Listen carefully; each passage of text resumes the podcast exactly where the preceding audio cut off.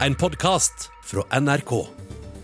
Klokken har blitt tre minutter over elleve, og da sier vi også velkommen til lyttere på kanalen NRK P2, som har skrudd på for å høre Urix på lørdag. Pga. krigen i Ukraina er dette en samsending med NRK1 og NRK Nyheter. Og dette er overskriftene akkurat nå. Russiske styrker skal ha gått inn i Lviv-regionen vest i Ukraina, helt mot grensen til Polen. Vi skal direkte til vår korrespondent der.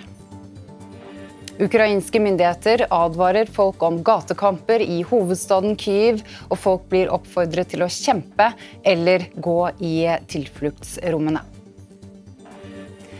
Ukrainas president Volodymyr Zelenskyj la ut en video i morges for å vise at han fortsatt er i live.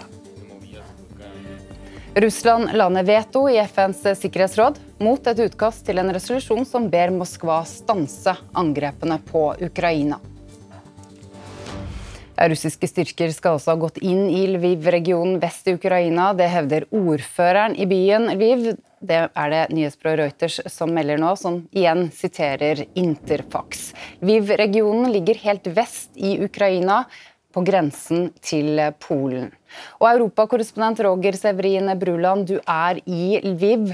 Hva kan du fortelle nå? Det var vel ordføreren som jeg har møtt her i Lviv, som på en eh, ja, kanal på Telegram, denne appen, har sagt at uh, rundt uh, mellom 60 til 100 fallskjermsoldater har landa da um, bare ti uh, mil fra denne storbyen Lviv med 700 000 innbyggere. Det blir vel så, ca. så ille. Og at mesteparten av dem ble rimelig kjapt nedkjempa, og det som var igjen av dem, flykta inn i en skog. Så har det akkurat nå de siste minuttene blitt sådd litt tvil rundt denne informasjonen, fordi sikkerhetstjenestene har avvist at det her har skjedd. Men da er det igjen spekulasjoner om en prøver å unngå Eh, en større panikk her i byen. Eh, for denne meldinga fra han borgermesteren kom jo veldig eh, bardus på. og kan, er jo egnet til å skape en, en panikk i denne storbyen som, kan, som, som ikke er, er, bra. Så vi jobber med å finne mer informasjon. Mine kjelder i sikkerhetstjenesten de svarer ikke på Eh, eh, de er ikke tilgjengelige på samband for øyeblikket. Så eh, det kan jo tyde på at det er noe som er på gang, men vi vet ikke. Og så har det jo også kommet bilder fra sosiale medium der vi ser det som trolig er ukrainske kamphelikopter da, som er i kamp rundt en skogkant og et jorde i denne byen Brody, som, eh, der det hele skal eh, skje. da. Så det her er jo løpende utvikling, og selvfølgelig noe som skaper mye usikkerhet og frykt her i Lviv, en stor, stor by i Vest-Ukraina. Roger, eh, du fortalte for noen timer siden at du måtte løpe ned i bomberommet også i natt, eller tidlig, tidlig i morges. Hva var det som skjedde? Nei, Det var ikke annet at du hører luftsirenene, og så ringer de fra resepsjonen. og Da er det jo bare å stille og rolig kle på seg og ta med seg ei flaske vann. Og gå ned eh, i kjelleren her på hotellet og sette seg og vente. Det er jo eh, laga til eh, altså Bomberom og tilfluktsrom er jo egentlig egna plasser, kjellere der eh, folk kan gå, sivilbefolkning kan gå, når det er fare for eh, angrep eh, fra lufta. og Sånn sett så har jo de det over hele byen her, slik at folk skal være i trygghet hvis det da er da, fiendtlige raketter, fly osv. som trua luftrommet. Så Det var vel klokka fem i dag. og så Etter en time så Eh, fikk vi beskjed om at da kunne vi, eh, vi komme opp igjen. Så ja, eh, det er ikke noe spøk nå for folka her i Lviv. De også kjenner jo på presset. De ser det som skjer i hovedstaden Kiev. Og de frykter jo selvsagt at etter Kyiv at de er da neste mål for denne russiske aggresjonen. Ja, kan du si litt om hvordan folk rundt deg reagerer, Roger? Ja, det er kanskje litt naturlig, men en driver jo bare og snakker med folk. Eh, sånn vanlig Du er i, på frokostsalen eller du er i resepsjonen og spør etter hvert. Og, og folk brester jo i gråt sånn eh, helt uten, uten, grunn. De har jo grunn, selvfølgelig, men det er litt sånn eh, Folk er på bristepunktet. og Jeg hadde en litt spesiell opplevelse i går når jeg sto her i mørkene og hadde vel en direkterapport sånn rundt i nitida i, i Dagsrevyen. Og det sto eh, flere kokker her og, og sto og røykte. Og de spor meg et så rart spørsmål. Jeg spor liksom Hva skal vi gjøre? Um, og hva skal du svare på det? Liksom, eh, det er jo ingen som vet, liksom. Så de, de, så på meg som en person som kom utenfra, som kanskje, og som var journalist, som kanskje hadde noen svar som de ikke har. Men jeg har jo like få svar som de. og jeg ble med inn på kjøkkenet her, og hele staben på hotellet de bor jo her på hotellet. De bor jo på kjøkken og de bor bak resepsjonen. Så for her føler en det, det er trygt. Så eh, det er litt spesielt. og Det er vanskelig å gi gode råd. Eh, vi er jo her for å rapportere, så det er vanskelig å gi gode råd når en får eh, vanskelige spørsmål sånn som det der. Men takk for at du var med igjen, Roger Severin Brulland. Ta godt vare på deg selv. Vi skal videre til eh, Kiev. Der er du, Gro Holm. En stor boligblokk er truffet av en russisk rakett, det melder i hvert fall flere vestlige nyhetsbyråer, bl.a. Reuters. Hva vet du om det? Det er ikke tvil om at den boligblokken i Sjoliani, det ligger en åtte kilometer hvis man går herfra østover, at den er truffet. Men spørsmålet er hvorfor ble denne truffet? Det kan ha sammenheng med at en stor internasjonal flyplass, Sjoliani, er i nærheten av den blokka. og det skal, det skal være kamper rundt denne flyplassen nå. Dette er ikke noe som er bekreftet, men generelt så har jo altså Russland sagt at de vil ta ut militære mål, og denne kan også selvfølgelig brukes til militære formål. Ellers så så vi like før klokka 11 norsk tid oppe i lufta over meg her eh, noe som kom veldig fort. Det var ikke et fly. Det, må, det, kan ha vært en av de krysserakettene som vi vet russerne nå skyter ut fra eh, Svartehavet. Eh, vi hørte ikke noe drønn etterpå, så den må ha gått et godt stykke eh, nordover fra der vi står nå. Ellers så kan jeg også si at det, det er uklart om en militær eh, luftforsvarsbase, altså en luftforsvarsbase ca. 20 km i luftlinje sør for der vi står nå, hvem som kontrollerer den. Det har vært kraftige kamper der i går, og i dag tidlig hørte vi fly, bomber like etterpå. Vi hørte helikoptre, vi hørte militære kjøretøy ute, og så militære kjøretøy ute på, på en hovedvei her like i nærheten av oss. Det er uklart hvem som kontrollerer den nå. Eh, der eh, ukrainske, ukrainske forsvarsdepartementet hevder Nei, unnskyld ikke Forsvarsdepartementet. Ordføreren i byen hevder at den er kontrollert av ukrainske styrker, eh, og at, eh, at, det har vært kamper der i hele, hele natt. Så sier Innenriksdepartementet at eh, russiske sabotører utkledd som ukrainere, vi vet ikke helt om det var da sivile eller militære, skal ha, å, eh, skal ha forsøkt å komme seg inn på denne basen og ha drept en del ukrainske soldater i da kamper. og det skal skal også ha skjedd i natt.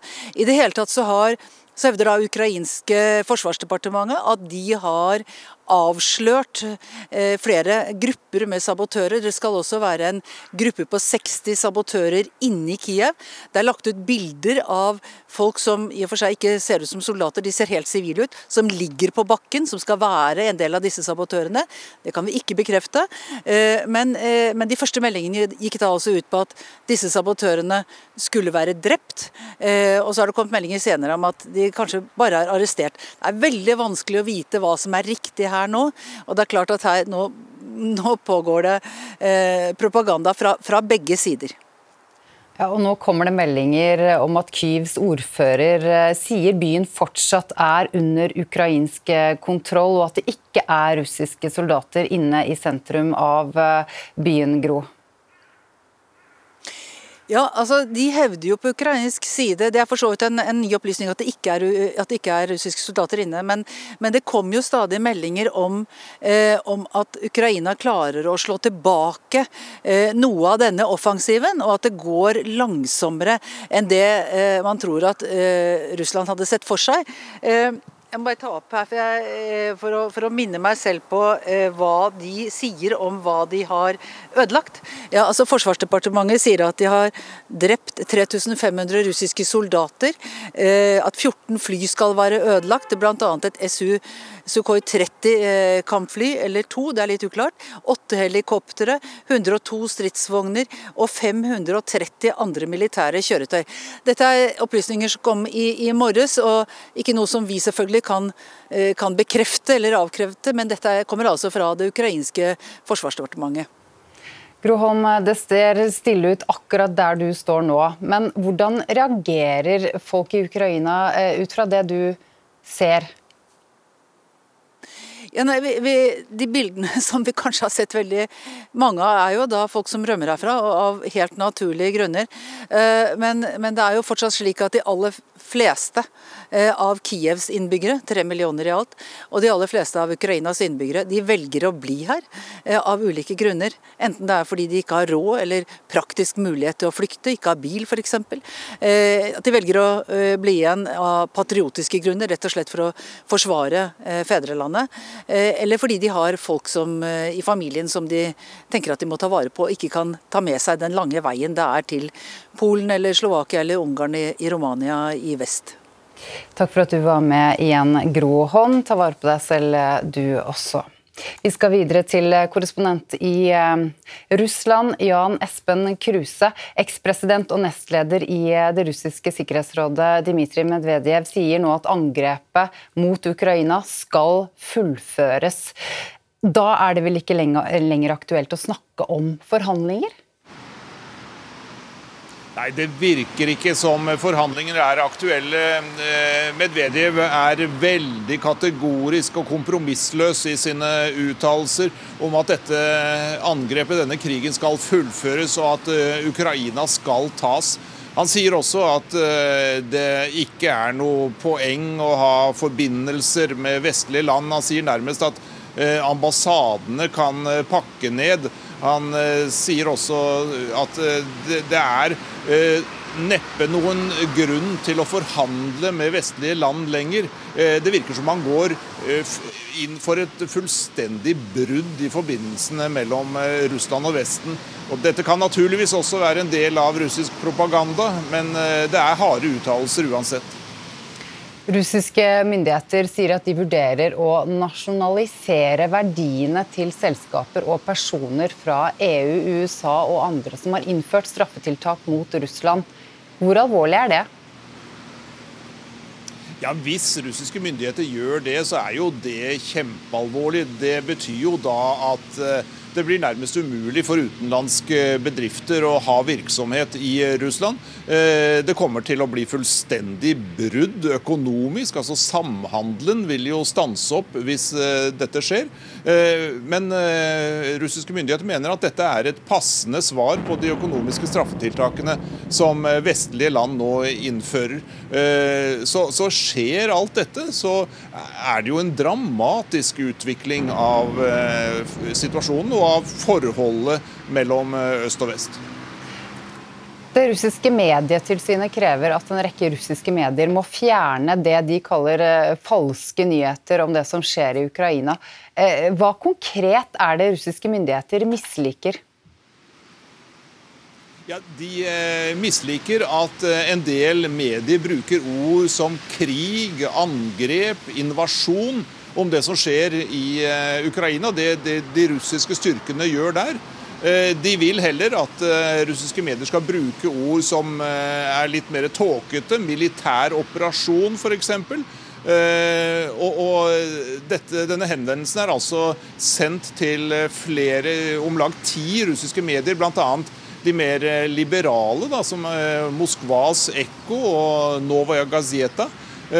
Sånn at og, og, myndighetene truer da med å, redusere tilgangen. Det blir, betyr vel i praksis at eh, de truer med å stenge disse mediene hvis de ikke eh, gir det russiske myndigheter kaller mer objektiv eh, informasjon. De mener altså at å kalle dette for en krig, det er falsk informasjon og, og, propaganda. Så det er en kraftig grad av sensur som russiske myndigheter går inn med nå.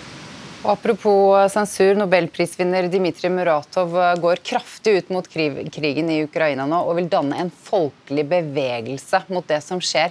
Hvor risikabelt er det, Jan Espen?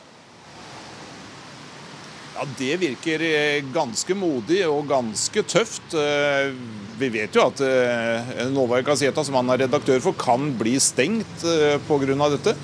Han, er, han kaller denne krigen for galskap. Og han vil at den skal avsluttes umiddelbart. Han nekter å omtale Ukraina og ukrainerne som en fiende. Så han, han går knalltøft ut og vil ha danne en antikrigsbevegelse i Russland. Og, og, og, gått på tvers av det president Vladimir Putin eh, sier og gjør det er, eh, det er eh, tøff kost i dagens Russland. Og Siste nytt akkurat nå Jan Espen, er jo at russiske styrker skal ha gått inn i Lviv-regionen. Vi har ikke fått det bekreftet, men ordføreren i Lviv eh, sier dette. Hvorfor Lviv, hvis det stemmer? Dette er jo eh, den vestlige delen av Ukraina, og det er jo den mest eh, vestvennlige regionen eh, i dette landet. Så det kan ha noe med det å gjøre. Altså, Russiske styrker har jo angrepet mange forskjellige byer. Det pågår jo høyst sannsynlig i hvert fall kamper veldig mange steder. Og, og Lviv er eh, altså eh, de, den viktigste byen i den vestlige delen av eh, landet. Sånn at Det kan ha med det å gjøre. Man vil også fra russisk side forsøke å få kontroll over den delen av landet som er mest vestorientert. Og Den er vel også kjent for å ha en del av disse nasjonalistiske gruppene som har vært ganske langt framme i kampen Eh, i Øst-Ukraina. Så det kan ha noe med det å gjøre òg. I denne omgang Jan Espen Kruse med fra Russland. Da skal vi videre. Vi skal til eh, Kirkenes. fordi i dag er det demonstrasjoner der eh, mot krigen i Ukraina for andre dag på rad. Og akkurat nå pågår det en demonstrasjon utenfor det russiske generalkonsulatet. Og der er du, reporter Frode Børfjord. Ja, det har akkurat vært eh, sterke appeller fra ukrainere foran generalkonsulatet. Det er samla en eh, rekke mennesker her. Vi skal snakke med noen av de nå. Jeg synes det er veldig synd at det finnes også noen i Russland som sier at det, dette her som skjer i Ukraina Det er eh, en demonstrasjon mot krigen i Ukraina. Hvorfor er dere her? Ja, det er for å gi vår støtte til Ukraina og samtidig også gi vår støtte til eh, det russiske folk som tør å gå ut i gatene og demonstrere mot krigen i Ukraina. Hva tenker du om krigen nå? Jeg tenker det her er bare altså, vold fra Putins side, og vi tar avstand fra eh, den type eh, altså, mangel på respekt for suvereniteten til Ukraina. Det, det ligner ingenting, så min tanke er jo at det her må vi bruke alle midler for å få stoppa. Få Putin ut av Ukraina. Han har ingenting der å gjøre. Hva tenker du Norge bør gjøre? Ja, jeg syns at eh, Hva man skal si Ja, vi burde sette i gang flere sanksjoner, kanskje. Oljefondet ut av eh, Russland. Det tenker jeg er veldig viktig. Tusen takk. Du er tidligere ordfører i Sør-Varanger. Hvorfor er du her i dag? Det er for å vise støtte til Ukraina og det ukrainske folk, samt å vise avsjå en fordømmelse av den krigen som eh, despoten Putin har satt i gang.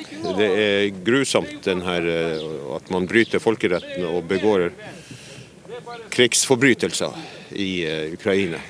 Vi som nasjon må også vise en klar støtte og bidra og hjelpe til der vi kan.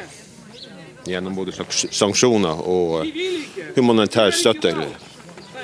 Tusen takk skal du ha. fortsatt i byen der jeg kommer fra der.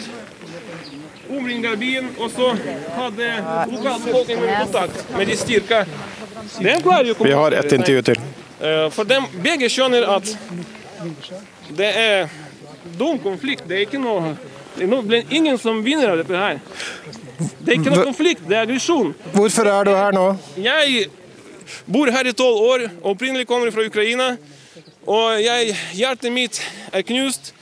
Det gjør folk nå, nå, i dag, dette øyeblikket. Det gjør folk i Ukraina av russiske raketter og bomber. Tanks kjører rundt omkring. Styrke overalt. Helikoptre. Hva tenker du, hva tenker du Norge bør gjøre? Norge Du er jo norsk statsborger. Jeg syns at Norge bør hjelpe Ukraina med det Norge kan. Sant? Med det Norge kan. Jeg skal ikke si med hva, men med alt Norge kan. Med en gang i dag. Da runder vi av. Det er mye sterke følelser i Kirkenes i dag. eh, Og vi står som sagt rett utenfor det russiske generalkonsulatet. Takk for oss. Takk til dere fra Kirkenes. Ukrainerne ber altså om mer hjelp, og flere steder i landet er det i dag demonstrasjoner og appeller mot Russlands eh, krigføring mot Ukraina. Utenfor Stortinget er det folk allerede på plass. Reporter Anja Strønen, eh, hva er det som skjer i Oslo nå? Ja, vi skal intervjue de to. til eh, folk. Det har vært helt eh, fascinerende å se. Vi kom her ca. halv elleve. Da sto det to-tre mennesker her. I løpet av en halvtime så er plassen fulgt opp. Det er hundrevis med mennesker her. Her er ukrainere, her er russere, her er folk fra Belarus, her er nordmenn, her er samfunnsengasjerte mennesker. Mennesker som bryr seg om hva som egentlig foregår mellom eh, Ukraina og Russland nå. Og som en av de som åpnet appellene her sa, i dag er vi alle ukrainere. I dag er de her for å markere sin motstand mot den krigen som eh, foregår. Og jeg har fått med meg en av de som har vært med å arrangere her. Og Evgenia Korolsova, du er prosjektleder for eh, Menneskerettsakademiet. Men så er du også styremedlem i organisasjonen eh, Smorodnia for demokrati i Russland. Du er russisk, bodd i Norge i nesten 20 år, men er her i dag og med på å arrangere dette. Hvorfor? Hvorfor? Grunnen er jo ganske enkelt. Dette her må stoppes med en eneste gang. Mens vi står her, så blir folk bomba i Kiev. Eh, Vi bør gjøre alt vi kan nå eh, for å stoppe den galskapen som er satt i gang av illegitim, fascistisk Putin-regime, Putin-styre i Russland.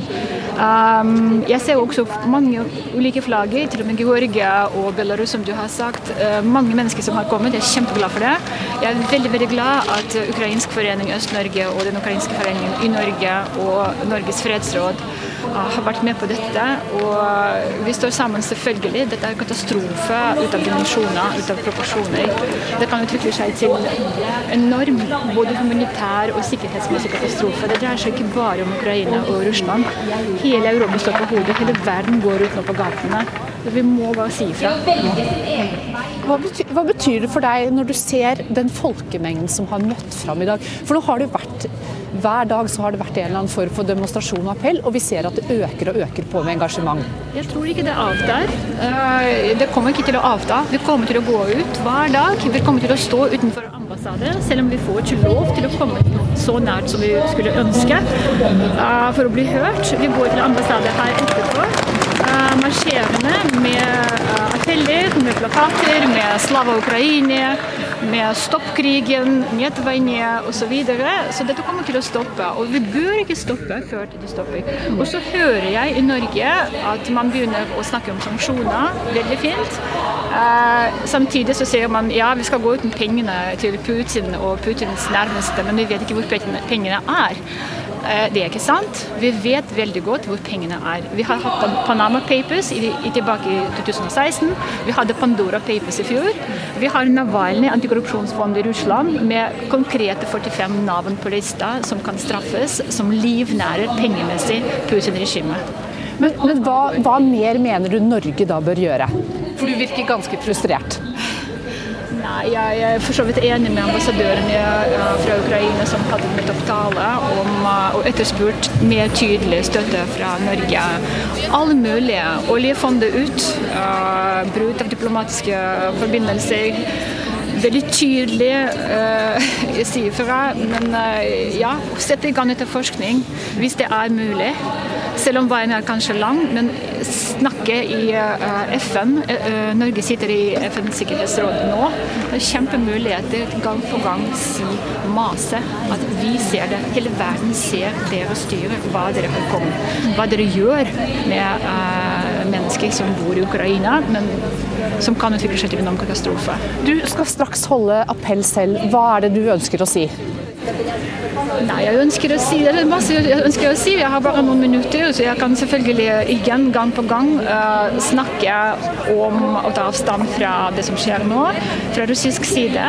Jeg vet at det er mange folk i Russland som går ut på gata, som prøvde å gå ut i fredsprotestene. Det blir medvirket av politi, det er vanskelig, men det finnes. Vi har flere appeller som kommer nå fra kultur fra lærere, fra vanlige mennesker uh, som sier dette her er ikke vår krig. Ja, er, det, er, det, vanskelig for deg å være russer og stå oppi dette her? Nei, det er ikke vanskelig. Jeg står fram. Jeg sier at dette er hårreisende finner meg ikke dette. Dette er ikke min president, det er ikke min avgjørelse. Uh, vi, vi må stå sammen. Vi vil ikke ha krig. Vi vil ikke ha krig. Dette må stoppes. Ja. Det er ikke vanskelig å være russer i Norge. Det er bare å komme hit, bli med. Det blir demonstrasjoner hver dag. Jeg oppfordrer alle som bor i Norge, som kommer fra Russland, bli med. Vær med oss sammen. Vær med ukrainere, vær med georgere, vær med folk fra Belarus som står her med flaggene sine, og med alle de andre. Bli med og når appellen er ferdig her, nå er det vel akkurat eh, Norges tidligere utenriksminister som har stått på talerstolen, men eh, når appellene er ferdig her, så kommer alle sammen til å bevege seg opp mot den russiske ambassaden. Som Eugenia sa her, så får ikke hun og alle de som står her lov til å komme helt inntil ambassaden, men de kommer garantert til å synes med alle flaggene, alle plakatene som de har med seg. Så dette vil vare enda i et par timer. Takk, Anja Strønen. Utenriksreporter Morten Jentoft, eh, presidenten i Ukraina har kommet med, med uttalelser igjen. Ja, eh, han er ute og sier det at det finnes nå tusenvis av offer for den russiske invasjonen. og Da snakker han om russiske soldater som har mistet livet. Han snakker også om at de har tatt hundrevis av soldater til fange. Det er noen som bare venter på det at Ukraina nå kommer til å kjøre et propagandashow med tilfangetatte eh, russiske soldater men de venter nok til på en måte de har eh, alt, eh, alt klart her. Men dette er vel en liten forsmak på det. Eh, han går jo også mm, veldig sterkt ut og, og oppfordrer nå verdens land til å gjøre tøffere tiltak mot Russland. Og det som nå er på trappene, det er jo en utelukkelse av, av, Russland fra dette Swift-systemet, det som vi alle bruker for å overføre penger mellom landene. Og Der er det interessant at det nå kommer opplysninger også om at Kypros, som er et av de landene innenfor EU som har vært skeptisk til å gå inn for en boikott av Russland her, nå har eh, sagt at de kan gå med på dette. Vi vet jo at eh, nettopp Kypros det har vært en slags frihavn for både russiske oligarker og hvitvasking av penger ut fra Russland. Også Tyskland og Ungarn skal nå være villig. sånn at da kan vi jo vente oss et vedtak fra EU eh, og Vesten om at Russland skal utelukkes fra Swift, noe som vil være kanskje det hardeste slaget mot russisk økonomi noen gang.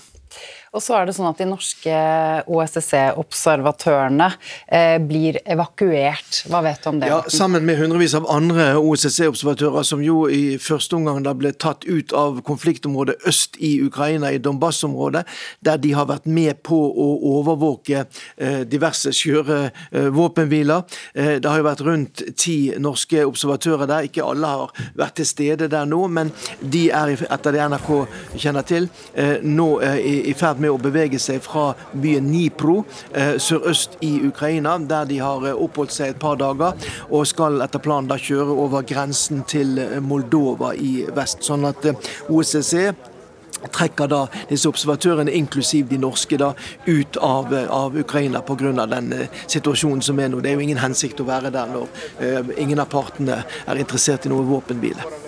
Hvis vi ser på det som skjer på bakken i Ukraina nå, Morten. Uh, hvor skal vi følge med? Uh, selvfølgelig Kiev er interessant. Der ser det ut som, hvis vi skal analysere litt situasjonen, at uh, russerne ser ut til at de ikke uh, føler at de er sterke nok til å gå inn i Kiev når de ikke er klar for en bykrig. og Det er jo et, et, et stort nederlag for russerne. for nå vil jo ukrainerne klare å samle flere og flere styrker til sitt forsvar nettopp rundt Kiev. Jeg ser på sosiale medier at nå strømmer da bl.a. avdelinger med frivillige frivillige eh, i retning av den ukrainske hovedstaden. Eh, eh, så har vi jo da fått disse meldingene om dette angrepet mot denne byen Brody i Lviv-regionen vest i landet. Det kan være et forsøk fra fra Russland også på å stoppe muligheten som Ukraina har til å få tilførsel av nye våpen. Fordi at eh, nå strømmer det også på med løfter bl.a. fra storprodusenten av våpen, Tsjekkia, eh, som eh, vil forsyne Ukraina med, med, med våpen. Også andre land sier at de raskt vil, vil, prøve å få nye våpen inn i Ukraina. Ukrainerne er jo særlig interessert i, i antitank, antiluftskyts. Vi har jo sett at det har vært relativt effektivt. De har tatt ut eh, mange russiske stridsvogner og fly, og ikke minst helikoptre. Russerne har jo tapt uh, sannsynligvis i alle fall et titalls helikoptre i konflikten uh, så langt.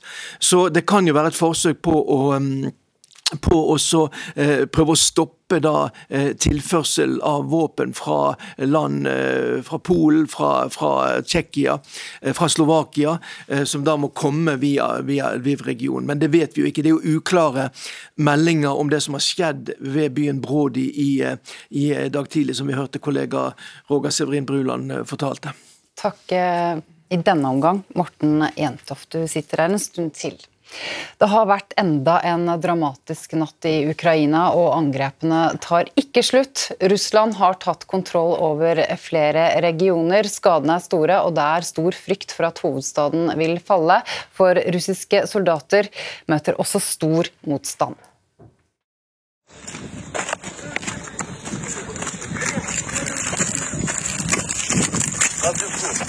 Det tar ikke slutt. En dame med store skader blir båret ut av redningsarbeidere. Blokka hun bor i, har blitt truffet av en rakett nå på morgenen.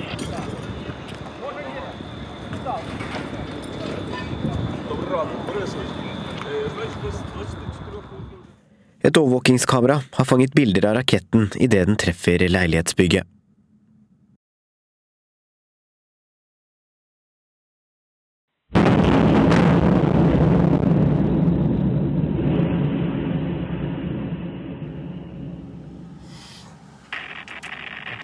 жесть.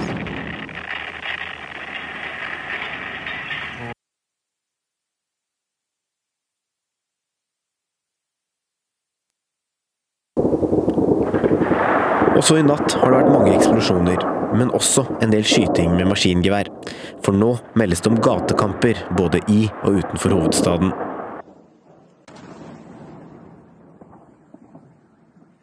I byen Kershov var Valerij Kulsjov ute og kjørte da en bensinstasjon eksploderte rett ved siden av.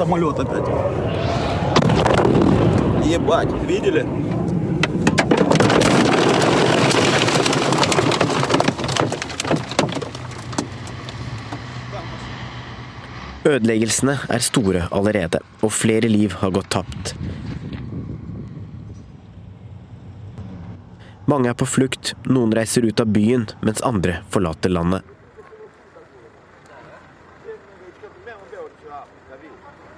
USA har sagt at de er klare til å evakuere den ukrainske presidenten for å hindre at han blir tatt til fange av russiske styrker.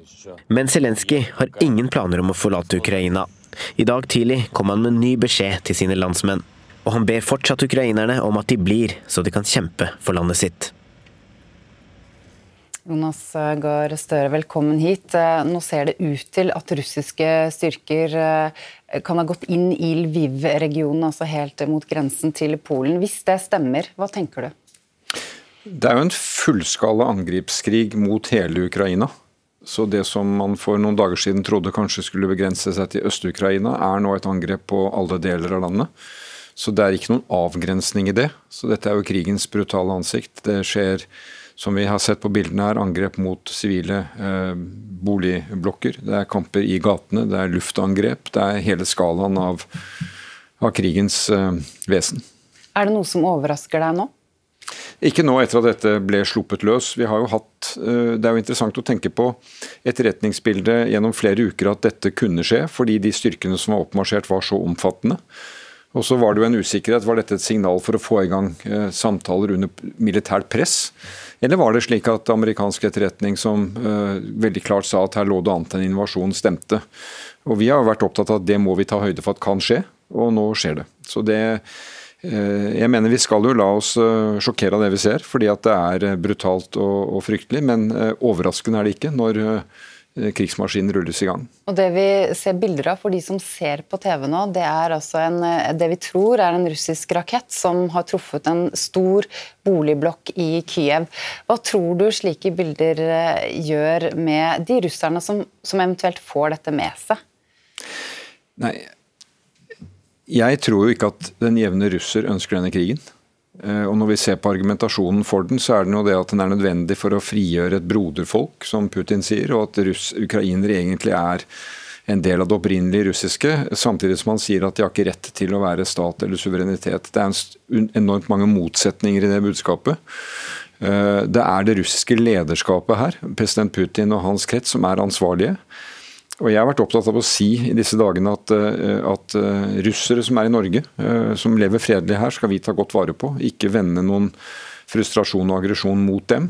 Ukrainere og russere lever i Norge, og de skal kunne gjøre det innenfor de rammene som er Norge.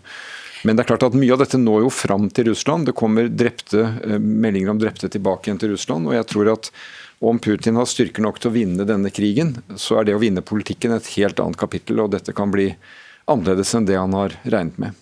Vi ser altså nå at Russland er en eh, invaderende makt på grensen mot Ukraina. Samtidig er det sorg i norske lokalsamfunn. Kan du si litt om denne vanskelige balansegangen? Men krigen er jo slik, og det er jo derfor det er så uh, viktig å markere at dette er uh, siden andre verdenskrigen det mest brutale utfallet av krig vi har sett. Altså en fullskala invasjon i et land. Det bryter jo ikke bare folkeretten. Dette er jo et, et av de groveste bruddene som et lederskap da blir ansvarlige for. Og jeg forstår godt folk jeg, som sørger rundt det, for det får jo uh, veldig betydning uh, i mange relasjoner uh, mellom mennesker. og igjen mellom også russere og Russland og resten av Europa og, og, verden. Men akkurat nå, i timene som er nå, i de dagene som kommer, så er det jo krigens natur i Ukraina. Og fra norsk side så er vi opptatt av at vi nå må gjøre det vi kan for å hjelpe til uh, humanitært. Uh, det kommer nå store flyktningstrømmer ut av Ukraina. Vi må støtte de landene som mottar dem. Og så vil Norge nå også være rede for å ta imot vår andel av de flyktningene når vi får oversikt sammen med våre europeiske partnere. Mm. Ja, for Det har du snakket om litt til nå, eh, at de nordiske landene skal samarbeide bedre om disse flyktningstrømmene som vi nå venter. Men hva konkret har dere planlagt? Jeg, jeg sier de europeiske partnerne. Fordi at eh, Det som skjer i første omgang, er at flyktninger kommer ut av uh, Ukraina til Polen, Slovakia, Romania, nabolandene, Ungarn. Så vi må støtte dem. De skal jo ta imot nå tusenvis. Det er allerede kommet titusenvis ut, og det kan komme mange flere. I neste omgang så må man jo se på hvordan man kan avlaste det gjennom en type fordeling. og det, De diskusjonene skal Norge delta i, og Norge skal ta sin del av ansvaret. Vi har jo snakket eh, mye om hva dette gjør med forholdet vårt eh, til nabolandet Russland. Utenriksminister Anniken Huitfeldt var veldig tydelig i går. Tiden for dialog med Russlands ambassadør er over. Hvorfor sa hun det? Det var jo en reaksjon på uh, invasjonen. Det var jo der hun framførte Norges reaksjon, at vi slutter oss til sanksjonene. Norge skal jo ha et forhold til et naboland, som vi har sagt en del i de siste dagene. Vi har søk og redning i havet. Vi har en kontakt opp mot eh, Nordflåten som gjør at vi forhindrer at det blir misforståelser. Vi har fiskerisamarbeid. Det skal vi jo fortsette med. Det kommer en dag etter dette. Men nå er tiden for å markere på en måte som ikke russerne kan misforstå om at slike eh, overgrep som vi nå ser, det russiske lederskapet må vite at det koster. At reaksjonene er samstemte. og det var jo inntrykket fra i går, hvor Natos stats- og regjeringssjefer sammen med EU, sammen med Sverige, sammen med Finland var så enhetlige og samlet som man vel noen gang har sett dem. President Zelenskyj i Ukraina vil inn i EU. Tror du det kan skje? Altså Nå er jo han i gatekamper i, Ukraina, og jeg forstår jo alle de appellene han har, all frustrasjonen han må ha. Uh, Ukraina har ikke vært på vei inn i EU, det har ikke vært forberedt på noen måte. Men det er jo Ukrainas evne til å kunne ta valg og utvikle seg politisk som har ledet til frykten hos Putin. Uh, jeg tror ikke han tenker seg at uh, Ukraina er noe trussel mot Russland, men trusselen ligger politisk i at Ukraina ikke har sett Russlands vei. Eh, og Det har han sett, og det er det tydeligvis han vil stoppe. Men jeg tror han foregner seg, fordi det vil jo ikke være slik etter at de eventuelt nedkjemper eh, ukrainske soldater, eh, at et innsatt lederskap fra president Putin vil få harmonisk kontroll på et land som man nå bomber og, og kjemper mot. Vi har jo hørt uh, flere ganger nå i det siste at både presidenten i Ukraina, ordførerambassadøren ordfører, ambassadøren i Norge i Oslo ber om mer hjelp. Får de det av Norge? Ja, vi hjelper dem med økonomi, vi hjelper dem med humanitær hjelp gjennom Røde Kors, FN osv. Vi skal ta imot flyktninger. Norge gir ikke militær Eh, utstyr. Eh, det er en del av norsk tradisjon og, og, og, lovgivning. Mange gjør det, så det mangler jo ikke på militært utstyr som sådan. og Der de nå er, så kjemper de jo med det de, de har. Men vi skal stille opp, er rede til å stille opp mer eh, for å, for å avlaste så godt vi kan. Men når krigen raser på denne måten mot en så jeg vil si, på en måte overlegen og, og moderne militærmakt som Russland er, Eh, så er det krigens tragedie, og det klarer vi ikke å, å viske ut. Russere i Norge sier de er redd for å bli stigmatisert. Hva vil du si til dem? Nei, Det er jeg opptatt av å si i alle mine innlegg, at uh, russere i Norge skal kunne leve fredelig og trygt i Norge. Og nå må vi i Norge vise oss verdige. Det vil være en uh, grov urettferdighet om vi skulle ta ut frustrasjon og naturlig hva skal vi si, eh, sinne i forhold til det russiske lederskapet mot russere som lever fredelig i Norge. Nå må vi vise oss eh, verdige og som den rettsstaten vi er. Eh, og jeg hører i mediene at russiske barn i barnehager kan oppleve at de får dårlige kommentarer mot seg. Det må vi som er voksne forhindre. Det har noe med hvem vi er og hva vi vil være. Det er lørdag i dag. Du kommer rett fra møter med kronprinsen. Hva snakket dere om? Nei, Kronprinsen jo, har jo returnert fra den ferien kongefamilien har hatt for å være i Norge. Det syns jeg er eh, bra. Så det er jo løpende kontakt mellom eh, stats- og utenriksministeren og eh, kongen normalt når han er i Norge. og Nå har jeg fått gitt kronprinsen en god oppdatering. Og Det er viktig at han eh, er godt informert om eh, hva som skjer der, og hvordan Norge nå eh, har en beredskap som skal ta godt vare på vår sikkerhet. Takk for at du kom hit, statsminister Jonas Gahr Støre. I Tromsø domkirke har flere hundre lys blitt tent de siste dagene. Der er vår reporter Knut Finnsnes. Hvordan har kirken blitt brukt eh, den siste tiden? Ja, her i Tromsø domkirke har eh, veldig mange vært innom for å be en bønn, eller for å komme og ha noen å prate med, rett og slett. Og vi har med oss eh, domprost i byen, Stig Legdne. Eh, hva kan du si om hvem som har vært der, og har du snakka med dem? Hva sier de? Mange ønsker bare å tenne lys, sitte ned, skrive en bønn kanskje. mange er lei seg, og mange og sinte sikkert også. og Noen ønsker også å prate. Mange er jo opprørte over krigen i Ukraina. Og hvem er det som har vært innom? Er det folk med ukrainsk bakgrunn? Er det nordmenn? Eh, alle mulige folk? Nei, Det er alle mulige slags eh, folk. Det er nok ikke så mange ukrainere som bor i Tromsø, men vi har, vi har vært i kontakt med noen. Men, men, det er barn, det er voksne, det er utlendinger, turister og tromsøværinger. Og, veldig mange forskjellige. Barn som har tegna tegninger og, og, tent lys sammen med foreldrene sine. Jeg tror det er godt, godt å komme et sånt sted og være sammen, eh, kunne være fortvila sammen, tenne lys og, og sånne ting. Og det å snakke med, med barn om, om krig og, og, sånne ting, hvordan tenker du er en god måte å, å, gjøre det på? Jeg tror først og fremst man må være åpen, altså si det som det er. Det er en alvorlig situasjon. Det er krig i Ukraina, men det er ikke krig i Norge. Eh, barn får med seg at foreldrene er, eh, er alvorlige, og de får med seg i media hva, hva, som skjer. Så det er noe med å snakke åpent, sant om det som skjer. Og også samtidig si at det er ikke russere som er problemet her, det er den russiske lederen, eller russiske ledelsen. Ikke vanlige russiske borgere, som vi har mange av i, i Nord-Norge og i hele, hele, Norge. Ja, vi har jo grense mot Russland øst i fylket vårt. Har du vært i kontakt med noen russere eller hørt noe fra, fra dem om hvordan de opplever det her, de som bor i Norge? Nei, Jeg har ikke vært i kontakt med, med russere nå disse dagene, men jeg er helt sikker på at veldig mange er fortvila over, over, det som skjer. Fortvila over Putin. Og uh, dette er ikke vanlige russere sin krig, dette er den russiske ledelsen sin krig. Og Det, det er veldig viktig å, å, holde det fra hverandre. Det er ikke russere som er våre, som er våre uvenner, men, er, men vi kritiserer skarpt og sterkt den russiske ledelsen. Og det her er jo, altså I en sånn tid så blir jo kirka sin rolle litt uh, endra. Hva slags beredskap har dere uh, når noe sånt her skjer? Nei, vi åpna kirkene på torsdag klokka tolv, og, og, har åpent, hatt åpent nå noen dager. Og i dag, en fredskonsert nå klokka tolv i dag. og og uh, Det bes i alle kirker, sikkert i hele Norge, og i hvert fall i Tromsø, i morgen på gudstjenestene. Og så får vi se. Vi kommer sikkert til å åpne kirkene videre. Ja, og det er jo demonstrasjon her i Tromsø pågående nå. og Også klokka ett eh, starter kommunen sin, sitt offisielle program. Eh, du skal også delta der. Hva forventer du av det? Nei, Jeg tror veldig mange er både sinte, lei seg, fortvila.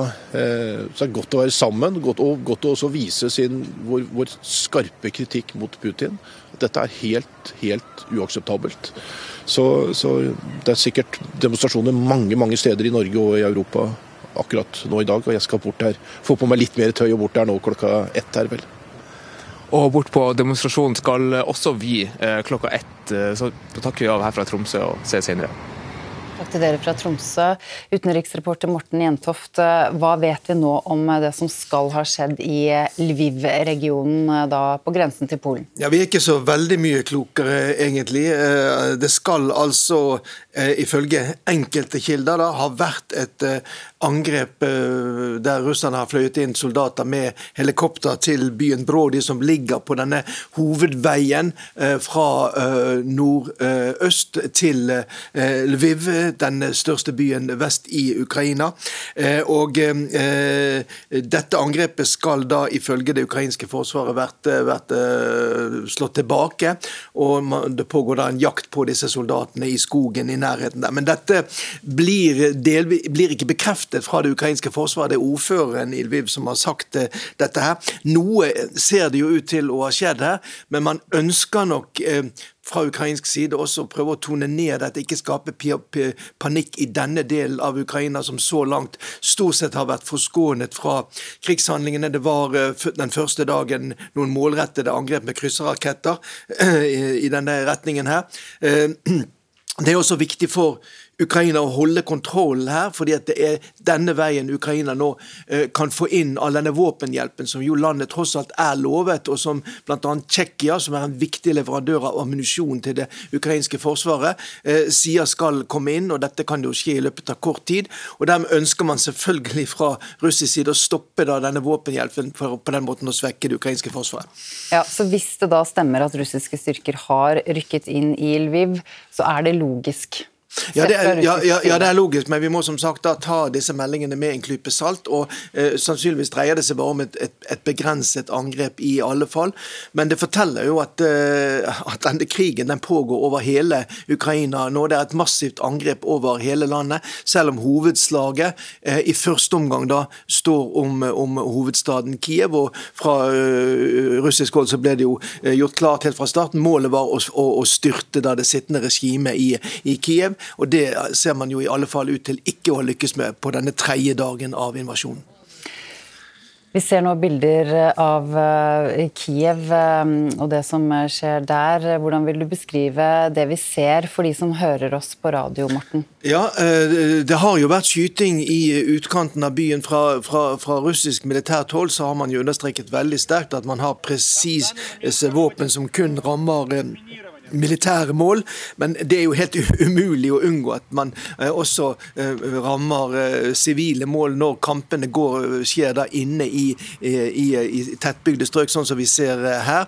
Det er tyd, mye som tyder på at det første angrepet med russiske styrker inn i byen, det er blitt stoppet. Hva det, disse bildene her viser, er vanskelig å si, men det var i hvert fall ett av, et av disse kjøretøyene som så ut til å være militære kjøretøy. Dette skal jo da være i utgangspunktet utkanten av sannsynligvis i den nordlige bydel Obulon, i nærheten av disse Minsk-høyden også, der man tydeligvis fra russisk side gjorde et forsøk på å teste det ukrainske forsvaret, men ble i første omgang da altså slått tilbake, sånn som det, sånn som det ser nå. Så har vi jo også sett tidligere, da kanskje vi får se de bildene også, dette dramatiske angrepet med det som alt, etter alt å dømme tydeligvis skulle være en, en, en, en rakett. Og den uh, raketten den ble jo da um, skutt uh, ut uh, Om den kom ut av Sannsynligvis så kom den jo ut av kontroll, men uh, det rakettangrepet var da i nærheten av denne Sjuljani, denne nest største flyplassen, sivile flyplassen i, i, i, Kiev, som ligger vest i byen. Den brukes av en del flyselskaper. Den andre flyplassen, både Spil sivile, den ligger jo øst for byen, ganske langt ute på, på, på landet. Men der var det jo et, et angrep med en, en rakett som slo jo inn i en boligblokk. Det ser jo veldig dramatisk ut. og Denne, bolig, denne type boligblokker er det jo hundre, hundrevis av i disse enorme drabantbyene som ligger i utkanten av, av Kiev. Her ser vi jo disse, disse, disse bildene her. Det er jo eh, særdeles dramatisk. Det er jo da tatt i dag tidlig, altså litt over klokken syv eh, norsk tid, åtte lokal tid. Og vi ser altså en rakett som slår rett inn i en kjempesvær boligblokk. Eh, ifølge, det er helt utrolig, eh, ifølge ukrainske myndigheter så skal ingen ingen har blitt drept da, som en følge av, av dette, dette, angrepet her. Men det er jo veldig veldig dramatisk, som vi ser. Vi kan jo ikke 100% bekrefte at dette var en russisk rakett. Man skyter jo selvfølgelig også fra det ukrainske forsvaret mot f.eks. russiske fly. Det kan være raketter som kommer ut av kontroll, så det kan vi ikke være 100 sikker sikre på. Det vi kan være 100% sikre på, det er at denne krigen også rammer sivilbefolkningen i, i, i Kyiv, denne, denne storbyen. Og Her ser vi jo da resultater av, av, av dette, dette rakettangrepet. Så sier også ordføreren i eh, Kiev eh, i formiddag at ingen russiske soldater er i sentrum. Mm. Kan vi feste lit til det? Det tror vi kan kanskje feste lit til, og bildene viser heller ingen uh, ukrainske soldater inne i sentrum. Det er tydelig at uh, russiske soldater, russiske soldater unnskyld, at Vitalij Klitsjko, den tidligere tungvektmesteren i boksing, som har vært ordfører siden 2014, at han kanskje har rett i, i akkurat dette. Så spørs det jo da hva man regner som Han sier sentrum av Kiev, og Kiev er jo et stort område. og Du har da dette Kiev fylke også, også, rundt området. Der er det jo helt tydelig at det er russiske styrker enda. Eh, så, eh, men et, et, et, massivt angrep på Kiev ser ikke ut til å pågå eh, akkurat nå. Det er i alle fall det som er de meldingene som vi får inn nå, tyder på. Da.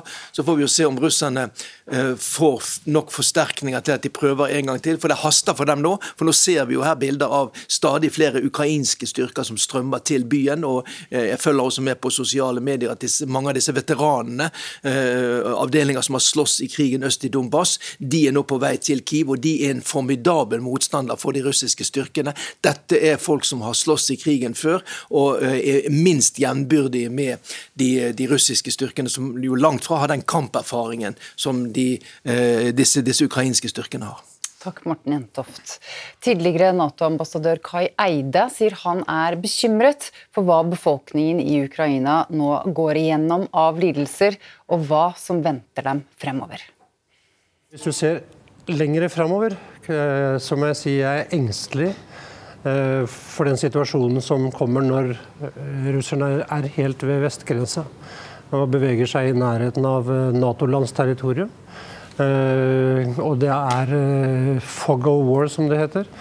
Eh, faren for misoppfattelser, feilflyvinger, hva det måtte være, ikke sant? Som, som kan skape gråsoner og usikkerhet. Det, det, er jeg virkelig engstelig for. Og så er det klart det kommer nå et press, forståelig nok. Forståelig nok i, i media overalt, med reaksjoner mot dette og press i retning av sterkere sanksjoner. Eh, så det er klart det er, Vi er ikke ferdig med dette på lang, lang, lang tid. Eh, og hvor det ender opp, det tror jeg ingen har gitt å svare på. Vi må jo håpe på det beste. Og jeg håper det også på at det var mulig å som alltid, å finne en diplomatisk løsning. Men når du så de kravene Putin stilte, så var det vel helt åpenbart at det ikke var mulig. Og han må ha visst det selv. Derfor jeg mener at her er det pågått et spill over lang tid, hvor han hadde klart for seg hvor han ønsket å gå, hva han ønsket å gjøre. Hadde han vært seriøs, så hadde det ikke kommet forslag som var av den natur han, er, han kom med. Og så er det jo selvfølgelig en språkbruk nå som er helt ekstrem. Ja, den er sykelig. Man lurer jo faktisk på ikke sant, om man er helt ved sine fulle fem. Det har vært rykter om sykdom tidligere. Uh, um, I går kom det opp igjen i en podkast fra Financial Times.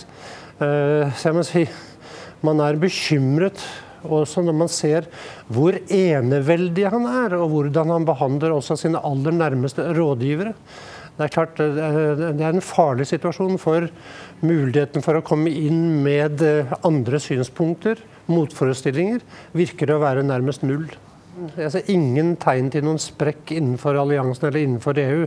Det er ulike oppfatninger når det gjelder hvor langt sanksjonene skal gå. Det vil det være. Det er ikke unaturlig gitt hvor avhengig enkelte land er bl.a. for, for russisk gasseksport. Men jeg tror vi kommer til å stå overfor et veldig samlet Vesten her gjennom Nato og EU. Det sa Kai Eide. For lytterne på NRK P2 så går vi nå ut av kanalen. Ansvarlig for denne sendingen er Øsker Tufan, produsent Birgitte Wold Ingebretsen, og mitt navn er Ida Creed. Sendingen fortsetter på NRK1 og i NRK Nyheter. Du har hørt en podkast fra NRK. Hør flere podkaster og din favorittkanal i appen NRK Radio.